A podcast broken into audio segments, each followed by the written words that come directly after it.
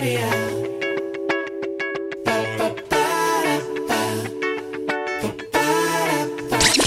Nee, wat is... Futura? Wat? Niet- nee, dat luister ik niet hoor, Radio Futura. een beetje gezeik. Ja joh, dat is normaal. Ach man. Goedenavond, het is 10 uur. De avondklok is zojuist ingegaan en Nederland zit weer veilig achter slot en grendel. U luistert naar Radio Futura leest voor. Radio Futura, actieradio over kunst en de wereld, is terug van weg geweest. Deze keer niet met een debat op het scherp van de snede, maar tot diep in april met onvervalste voorleesradio. De dagen worden langer, de lente hangt in de lucht, maar de lockdown duurt onverminderd voort en houdt ons aan de radio gekluisterd. Hoogste tijd dus voor literaire verpozing. De ingrediënten: een fonkelnieuwe tekst, acteurs in wisselende samenstelling en een aandachtige luisteraar natuurlijk. U. Fijn dat u er bent. Veel plezier bij een nieuwe editie van Radio Futura leest voor.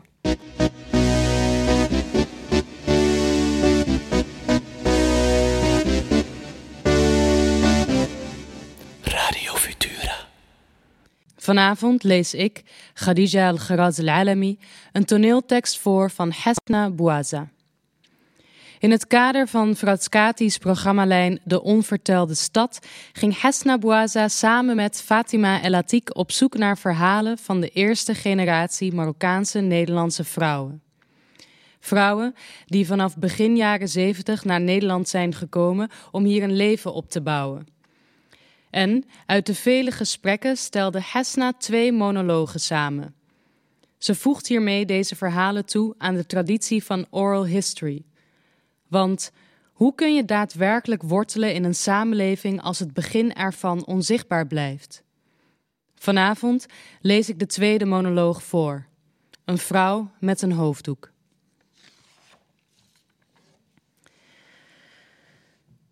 Hier sta ik dan. Kijkt u maar goed naar me. Ik ben die vrouw uit de televisiereportages. Vaak onheilspellend van achteren gefilmd, de rug iets gekromd, boodschappentassen in de handen. Of langslopend aan de overkant van de weg. Altijd op afstand. Alsof om de afstand tussen u en mij nog wat verder te vergroten. Ik ben de ander. Ik ben anders draag een hoofddoek. Ik ben toegegeven wat zwijgzaam. Maar het zou ook wat zijn om in mijn eentje als een vrolijke zot over de straat te dansen, nietwaar? Dat zou tot flink wat gefrons leiden. Dus ja, ik ben wellicht wat stil als ik me op straat begeef. Maar niet stiller dan u. Ik kleed me anders. Mijn wortels lagen elders. Maar wat zegt dat over mijn persoonlijkheid? Ik begrijp dat het wat verwarrend is om zo snel al over persoonlijkheid te beginnen. Zeker wanneer je in de media als abstract fenomeen wordt afgeschilderd, als integratieprobleem, als slachtoffer van vrouwenonderdrukking, terrorisme, islam, het criminele milieu. Alles behalve jezelf. Ik denk dat de redacties denken dat ik mijn persoonlijkheid maar lekker thuis moet vieren. Voor hen ben ik een symbool van alles wat anders is, vaag, vuig, naar. Wat ik daarvan vind, heeft nooit iemand me gevraagd. Ook niet aan al die andere vrouwen zoals ik. We zijn niet meer dan pionnen in een groter geheel van beeldvorming en politiek. Onwillige pionnen, gegijzeld door een ongrijpbaar sentiment. Een tijdsgeest en een wantrouwen gevoed door gebeurtenissen waar we geen hand in hebben en ook niet schuldig aan zijn. Dus nu sta ik hier voor u. Klaar voor wat wederkerigheid, voor de andere kant van het verhaal, zeg maar. Voor mijn verhaal. Altijd maar toeschouwer zijn wanneer je het onderwerp bent, gaat vervelen. Dus ik waarschuw maar vast even. Ik praat terug. Nu ben ik aan de beurt. Deze onderdrukte vrouw, dit integratieprobleem, Marokkanenprobleem, terroristenvraagstuk. Deze kopvot praat terug. Het is best raar hoor, dat moet ik toegeven, om al zo lang in Nederland te wonen. Over twee jaar woon ik hier 50 jaar. 50. Daar kom ik zo nog even op terug. Maar wat ik dus raar vind, is dat u al zo lang over me praat en nooit eens op het idee bent gekomen om mij te vragen wat ik eigenlijk vind. Vindt u dat niet interessant? Heeft u het idee dat ik toch niks toe te voegen heb? Of denkt u dat u het wel zonder mij af kunt? Dat u prima zelf kunt beslissen wat ik vind, denk en wat goed voor mij is? Zeg eens eerlijk. Heeft u zich ooit afgevraagd wat ik dacht als u me voorbij liep of stiekem snel voordrong in de rij bij de kassa? Hoe ik het ervoer als u weer met een scheve blik naar me keek of uw zinnen zo traag en nadrukkelijk formuleerde met een punt achter elk woord, alsof er iets aan mijn verstand mankeerde?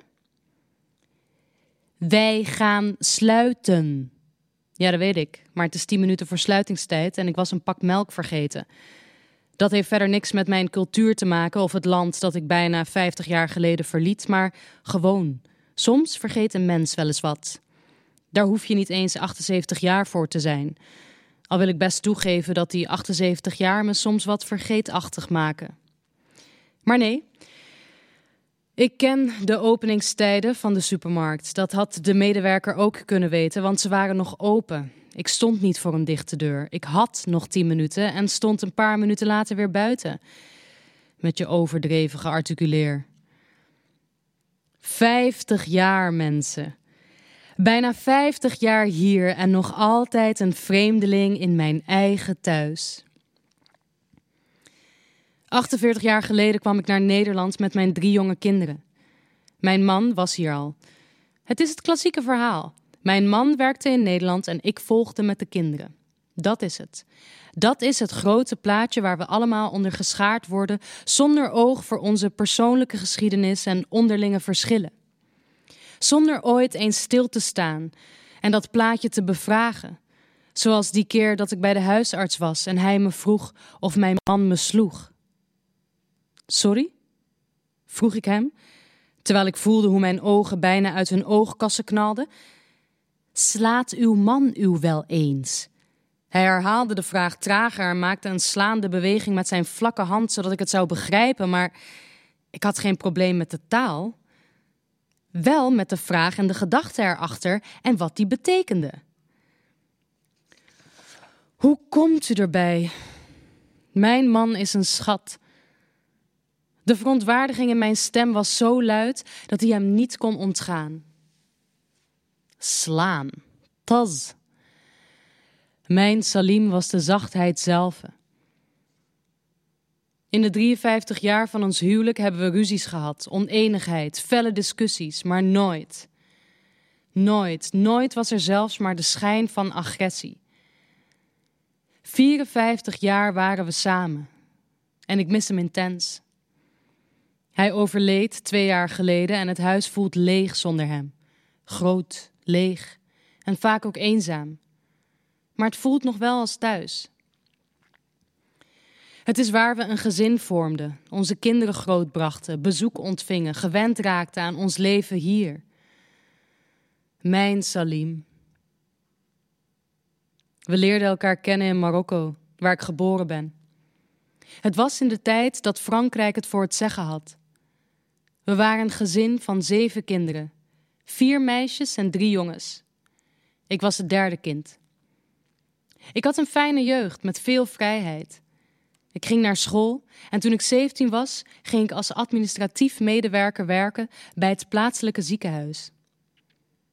In datzelfde jaar mocht ik van mijn vader met vrienden op vakantie naar Frankrijk. 1955 was dat. Een jaar voor Marokko onafhankelijk zou worden van Frankrijk. Mijn moeder was erop tegen, maar zij was dan ook een stuk strenger dan mijn vader. Hij was echt zo'n lieve, zachtaardige man. En hij was ook vastbesloten: mijn dochter mag op vakantie. Ik heb alle vertrouwen in haar. Dat vertrouwen had ik ook toen ik Salim leerde kennen. Hij was de broer van de man van mijn zus, broer van de man van mijn zus. Dan klinkt zwager wat overzichtelijker. Ik was toen 21 en nog werkzaam in het ziekenhuis. We vonden elkaar meteen leuk. Niet zo raar, want het was echt een knappe man hoor. Hoe kon ik nou niet voor hem vallen? Hij was een echte mannenman, zo eentje die woord hield, nooit loog, alles vertelde, ook als het niet belangrijk was. Die eerlijkheid ontroerde me en vond ik ook sexy. Het betekende dat hij me serieus nam.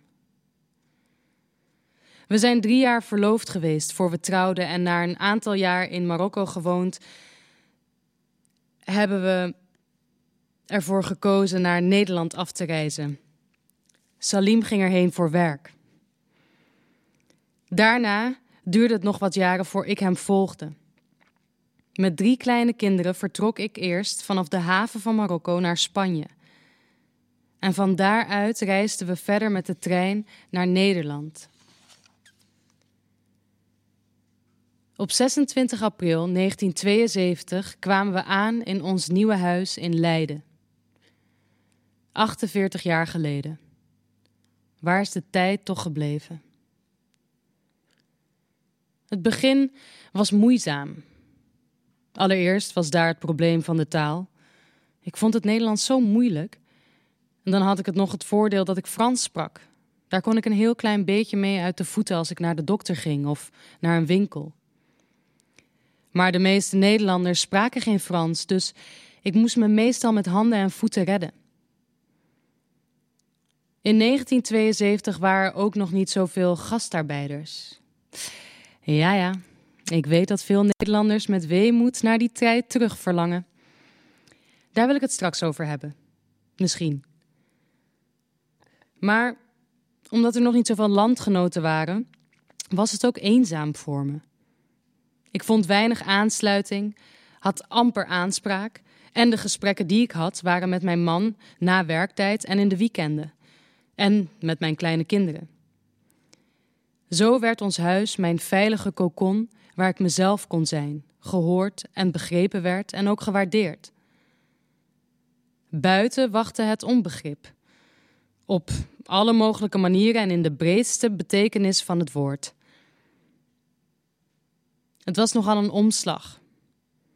Ik was altijd de koningin van mijn kleine wereld. Ik had de controle over mijn leven, was zelfstandig, van niemand afhankelijk. En opeens was dat allemaal weg. Omdat de omgeving waarin ik als een vis in het water gewend was te zwemmen, volledig veranderd was. Door de verhuizing hierheen. Ik miste bovendien mijn familie en vooral mijn ouders. Het is gek hoe vanzelfsprekend de aanwezigheid van ouders is, tot ze ver weg zijn. Ze waren er altijd voor me. Ik kon naar hen toelopen. Ik hoefde niks uit te leggen, ze begrepen me. De enige lijn die me hier met hen verbond was de telefoon. En in die tijd waren de kosten torenhoog en kon ik niet elke dag uren bellen. Ik miste hen echt fysiek. Ik voelde het aan mijn buik. Ik miste hun omhelzingen en ter compensatie knuffelde ik mijn kinderen meer dan ze soms zin hadden. Mama, genoeg. Als de kinderen sliepen en hun vader weg was, voelde ik de muren op me afkomen. Als ik kon, had ik ze met mijn blote vuisten afgebroken terwijl de hete tranen over mijn wangen rolden. Ik voelde me vaak opgesloten, gevangen tussen de muren van ons huis. Ik had de sleutel, ik kon naar buiten, ik ging ook naar buiten, maar voelde me niet vrij. Het was alsof mijn tong afgesneden was. Alsof ik mijn opgewekte brutaliteit ergens onderweg naar Nederland kwijt was geraakt. En ik zonder kompas door het leven ging. Als een bal in een flipperkast schoot mijn gemoed alle kanten op om uiteindelijk steeds weer rust te vinden bij de kern.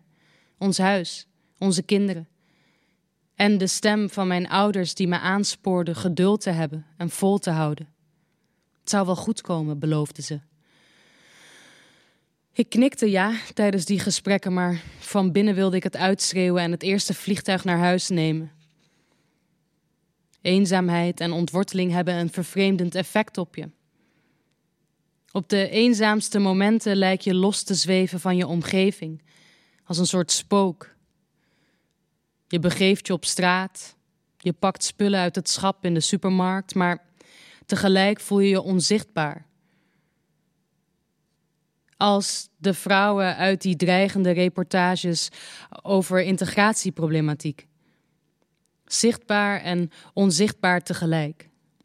Je wilt gezien worden, aanspraak krijgen, erkenning voor je menselijkheid. Maar je wilt ook weer niet opvallen. Dat mensen hun nek breken bij het omkijken naar je, alsof je een curiositeit bent en niet gewoon een vrouw met iets andere kleding die aanspraak zoekt, die met haar stem contact wil leggen, wil aarden. De eenzaamheid ebde weg toen ik bevriend raakte met een Française die ik per toeval bij de bakker ontmoette. Toen ik haar leerde kennen, werd mijn leven groter, lichter en minder somber. Met haar kon ik op een gelijkwaardige manier praten. Ze begreep mij en ik begreep haar. Ze vond het fijn in haar eigen taal te kunnen spreken en ik vond het fijn dat er eindelijk iemand was met wie ik kon kletsen. Het is grappig wat een simpele ontmoeting, een vriendelijk gebaar, een vriendschap met je zelfvertrouwen en levenslust kunnen doen. Mijn band met een Franse stadgenote opende deuren voor me. Eerst emotionele deuren. Mijn eenzaamheid verdween, mijn huilbuien ook. Ik was niet meer alleen op de wereld. Ik liep met een rechtere rug door de winkelstraat, durfde mensen aan te spreken en taalfouten te maken. En ik kreeg zin dingen te ondernemen. Vervolgens waren er de fysieke deuren die opengingen. Nadat mijn vriendin op de thee was gekomen en mijn koekjes had geproefd, was ze zo verrukt dat ik besloot voortaan zelf de tractaties voor mijn kinderen te maken. Dat leidde ertoe dat de leraren op school regelmatig mijn kinderen vroegen wanneer mama weer zulke lekkere koekjes ging maken. En ik voor ik het wist kookles gaf aan Nederlandse vrouwen in het buurthuis. En het dankzij die lessen en het contact met de bezoekers Nederlands dat ik dankzij dat contact met de bezoekers Nederlands leerde. Dat was zo leuk, zo gezellig. En ik leerde er zoveel mensen kennen. Ik was niet langer een vreemde vrouw waar mensen stilaan voorbij liepen of raar naar opkeken, maar iemand die interessant was, die iets te bieden had, die iets maakte dat zij lekker vonden en dat ze ook graag wilden leren. Iemand aan wie ze advies vroegen en tips. Iemand wiens mening ertoe deed. Toen ik een keer geen zin had om koekjes te maken voor een tractatie en gewoon wat kocht, kreeg ik nog diezelfde middag de teleurgestelde reacties van de leraren door. Langzaamaan voelde ik de kroon weer op mijn hoofd groeien. Ik kreeg niet alleen weer de controle over mijn leven, maar ook energie om er alles uit te halen. Want het bleef niet alleen bij koekjes maken in het buurthuis. Er kwamen naailessen bij, borduren. Ik dook met overgave in mijn nieuwe activiteiten, met als hoogtepunt misschien wel het Leids ontzet, dat ieder jaar op 3 oktober plaatsvindt. Ik besloot halal hutspot te maken, zodat mijn kinderen niets hoefden te missen. En wat denk je? Iedereen wilde mijn hutspot. En zo ontstond er een nieuwe traditie, iedere oktober. Zo tergend traag als die eerste periode hier voelde, zo snel vlogen de jaren voorbij. Toen ik eenmaal mijn mojo had gevonden. Leuk woord, mojo. Hoorde ik mijn dochter gebruiken. En sindsdien gebruik ik het altijd. Hoe is het met je mojo? vraag ik als mijn kinderen bellen. Het werkt altijd. Ze moeten altijd lachen als hun oude moeder het woord mojo gebruikt.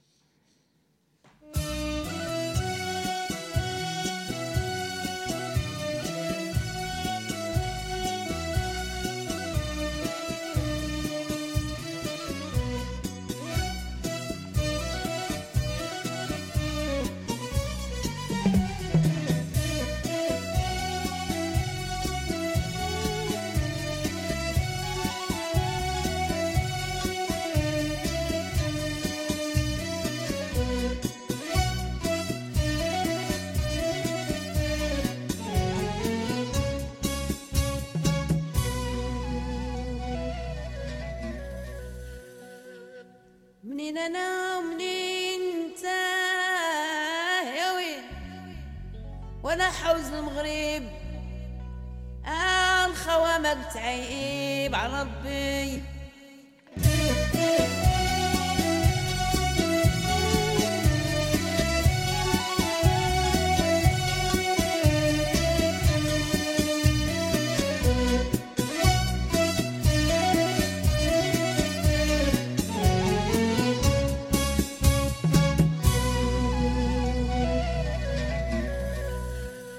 وأنا قلتي تجي وما جيتي ونحاسبك بذنوبي. هاكيفي هاكيفي هاكيفي الحب بزاف عليك والخدميري سيدي عمر. مولا حمريه والمعاشي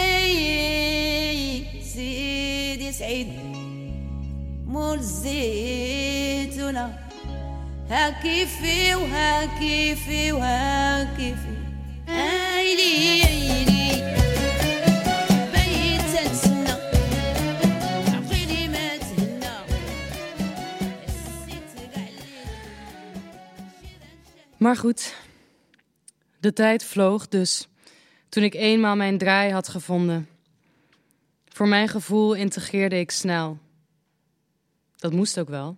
Ik had geen andere keus en ik wilde ook niet meer anders toen ik eenmaal plezier had in de kooklessen, de bijeenkomsten in het buurthuis en het geklets met nieuwe kennissen. Ik ging ook altijd naar de ouderavonden op school, zorgde dat de kinderen hun huiswerk deden en goede cijfers haalden.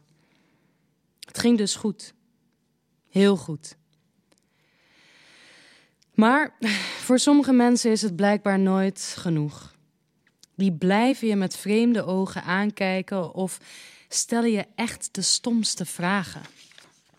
Ja, laten we het eens over die idiote vragen hebben die je in de loop van een leven te verduren krijgt. Die huisarts, dat licht dat me vroeg of mijn man me sloeg, die stelde me nog een bizarre vraag. In welke taal ik droom? Wat doet dat ertoe? Wat zegt dat over mij? Ik weet nog goed, toen mijn jongste, die hier geboren is, nog een baby was, ging ik vaak naar mijn familie in Frankrijk. Daar kocht ik dan kleertjes van Petit Bateau voor haar. Ik zal nooit vergeten dat ik bij het consultatiebureau was en een andere vrouw me daar neerbuigend aankeek en zei: Zo, zo. Dus ik vroeg wat er aan de hand was, waarop zij met haar gelakte wijsvinger naar mijn dochters kleren wees en antwoordde: Dat is duur. Ik ga niet zeggen dat ik toen met mijn ogen heb gerold. Dat zou geschiedvervalsing zijn, maar in gedachten wel. Nou en, reageerde ik, een beetje kortaf. En toen kwam het. Maar hebben jullie dan ook sokken in jullie land? ik heb haar in haar gezicht uitgelachen en zei: Ga maar naar mijn land, dan kun je het zelf zien. Sokken in ons land, hoe verzin je het? Hebben jullie ook wc's in jullie land? Mag je in Marokko ook werken? Mensen houden je graag klein. Je mag het niet te hoog in je bol krijgen. Dat is nog steeds zo. Dat zie ik aan mijn kinderen, die allemaal volwassenen zijn, een eigen carrière hebben en nog steeds tegen dezelfde hardnekkige vooroordelen aanlopen.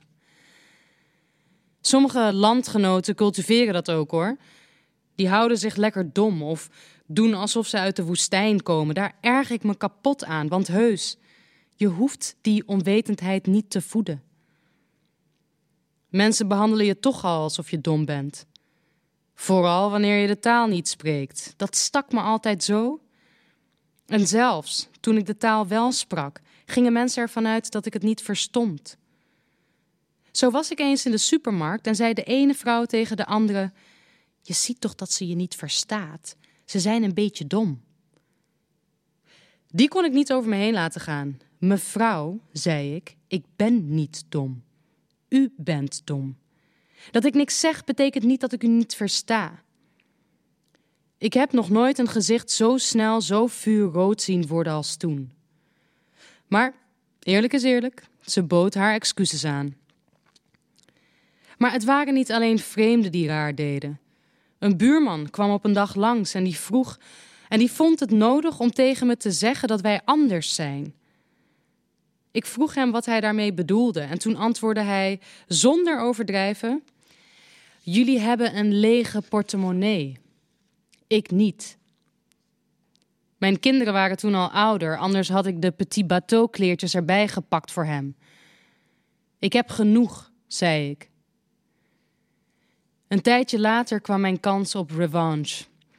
Mijn zoon behaalde zijn gymnasiumdiploma en toen we met hem en zijn vrienden thuis kwamen met bossen bloemen en in een feeststemming, vroeg diezelfde buurman wat er aan de hand was en of er iemand getrouwd was. Natuurlijk, bij ons is het alleen maar feest als er iemand trouwt. Iets anders hebben we niet. Dus ik liet hem met trots het diploma van mijn zoon zien en voegde eraan toe: met een lege portemonnee, hè? Hij stond wat ongemakkelijk met zijn handen in zijn bruine corduroybroek en ging toen maar weer naar binnen. Soms denk ik wel eens dat ik beter mijn mond kan houden. Maar weet u, dat heb ik de eerste jaren gedaan. En na die tijd wil ik niet meer terug. Ik bemoei me met mijn eigen zaken, zal nooit de confrontatie opzoeken. Maar als je gaat vroeten, dan heb je best kans dat ik reageer. Het voelt soms echt alsof het nooit genoeg is wat we doen. Alsof ze steeds de doelpalen verzetten en met nieuwe obstakels komen om je buiten te sluiten. Wanneer is het genoeg? Als ik mijn hoofddoek afdoe en ga paaldansen? Nee, ook dan niet. Want hoe geëmancipeerd Nederlanders ook zeggen te zijn, ik zie heus wel op televisie hoe vrije vrouwen worden behandeld. Dat ik een hoofddoek draag betekent niet dat ik het goedkeur dat vrouwen die hun eigen keuzes maken zo hard worden aangevallen. Ik weet het. Je zou niet denken dat ik het zie en volg, maar ik zie het wel eens voorbij komen. Die hoofddoek zegt niks over hoe ik andere vrouwen zie, zegt niks over mijn IQ, niks over mij dat ik niet wil vrijgeven. En nu het toch over die hoofddoek gaat. Ik en alleen ik bepaal waar die voor staat. Niemand anders. Een van de meest absurde ervaringen die ik heb in Nederland is dat mensen die ik niet ken, meestal mensen die een hekel hebben aan moslims, mij gaan vertellen wat mijn hoofddoek betekent. Nee. Nee, nee, nee. Ik ga daarover. Ik bepaal dat en alleen ik kan daar antwoord op geven en dat antwoord heeft alleen betrekking op mij. Als u wil weten wat het voor andere vrouwen betekent, zult u met hen moeten praten. En dan maar hopen dat ze antwoord willen geven, want laat ik nog even een misverstand uit de weg helpen. We hoeven geen uitleg te geven. Daar heeft niemand recht op. Het idee dat vrouwen zoals ik publiek bezit zijn waar iedereen wat over te zeggen heeft, is echt raar. Wat ik ook raar vind, ja, ik maak maar gebruik van het moment, is de gewoonte van sommige Nederlanders om je de ene keer wel gedacht te zeggen en de andere keer niet. Hoe werkt dat eigenlijk? Een buurvrouw deed dat eens bij mij. Ze stond met een andere buurvrouw te praten, keek naar me terwijl ik voorbij liep en ik hallo buurvrouw zei en negeerde me vervolgens. De keer daarop was ik het die haar groet niet beantwoordde. Ze vroeg me nadien waarom ik dat had gedaan. Nou, dat heb ik haar uitgelegd. Daarna heeft ze me nooit meer genegeerd. Sommige Nederlanders denken dat het alleen om hen gaat. Om hoe zij ons ervaren, wat zij van ons vinden. Maar wij zijn er ook nog. En dat zullen we heel soms laten weten ook. Zo was ik een keer met wat vriendinnen op stap toen we op het station van Rotterdam een man, een Nederlandse man, zijn vrouw zagen slaan terwijl de rest langsliep, alsof er niks aan de hand was. We aarzelden geen moment, trokken haar uit zijn handen en sloegen hem met onze vlakke handen. Je mag vrouwen niet slaan, zeiden we tegen hem terwijl hij zijn armen om zijn hoofd hield om zich te beschermen tegen onze klappen. Dat was zo'n hilarisch moment dat wij het nu eens waren die de Nederlandse man vertelde dat je je vrouwen niet hoort te slaan. Stond hij daar vol ongeloof, omringd door oudere vrouwen met een hoofddoek die met een accent zeiden dat hij zijn vrouw niet mocht slaan.